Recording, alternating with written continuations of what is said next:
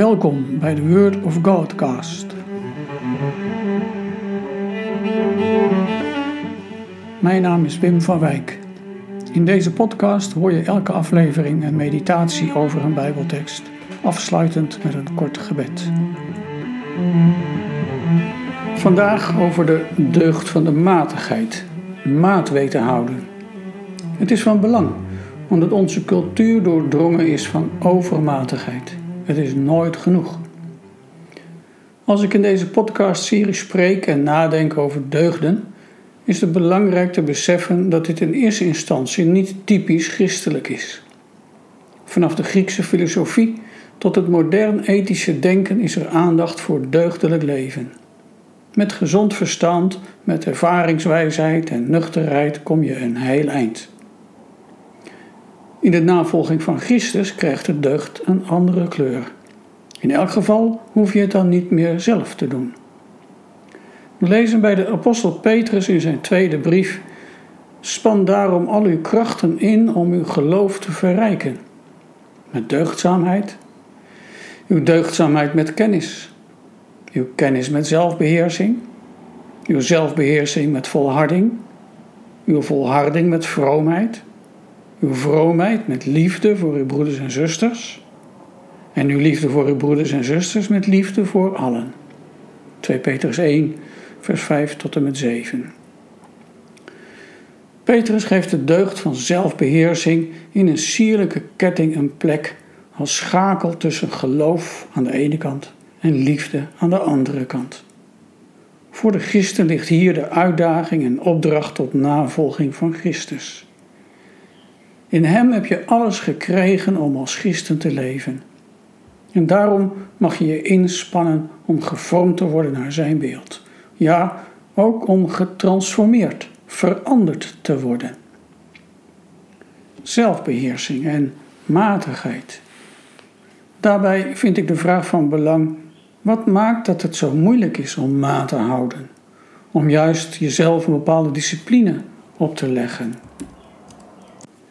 Zelfbeheersing kom je vooral tegen in de wereld van de sport. Topsporters moeten zichzelf heel veel dingen ontzeggen. En juist leven in een vast ritme van rust en inspanning. Vaste schema's van voedsel zijn van groot belang om goede prestaties te leveren. Een mooi voorbeeld voor een christen. Maar wat maakt het nou zo moeilijk? Het heeft, denk ik, ten diepste te maken met het verlangen naar vervulling.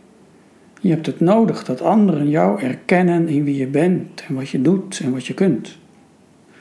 Op zoek daarnaar kun je proberen die erkenning af te dwingen en te eisen. Of denk aan ambities om op een hoger niveau te komen in carrière-dwang. Dat leidt zomaar tot hard en veel eisend gedrag. Onrust en ontevredenheid over jezelf en anderen bepalen dan wat je doet. Uiteindelijk leidt dat ertoe dat je te veel van jezelf gaat eisen, met als gevolg dat je lichaam en geest gaan protesteren en je ziek wordt of burn-out raakt. Zelfbeheersing maakt dat je je grenzen kent en in acht neemt en dat je die van anderen respecteert.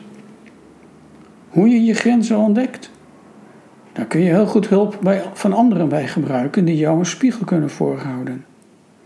Maar denk eerst zelf eerlijk na over de vraag uit welke bronnen jij put.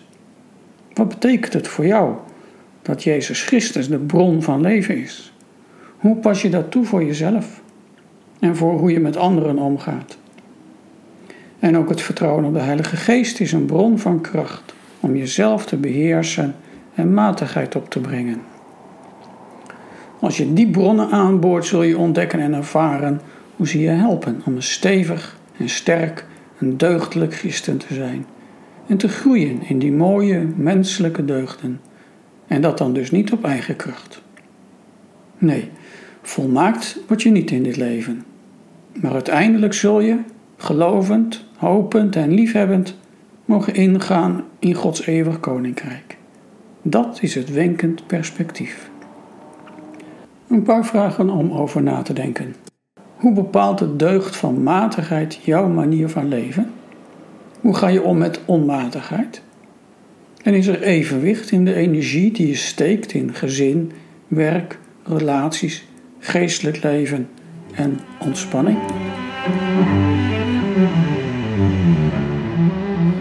We bidden. Heer Jezus, Heilige Geest, wees voor mij een bron van leven om mezelf te beheersen en anderen te respecteren. Uit genade. Amen.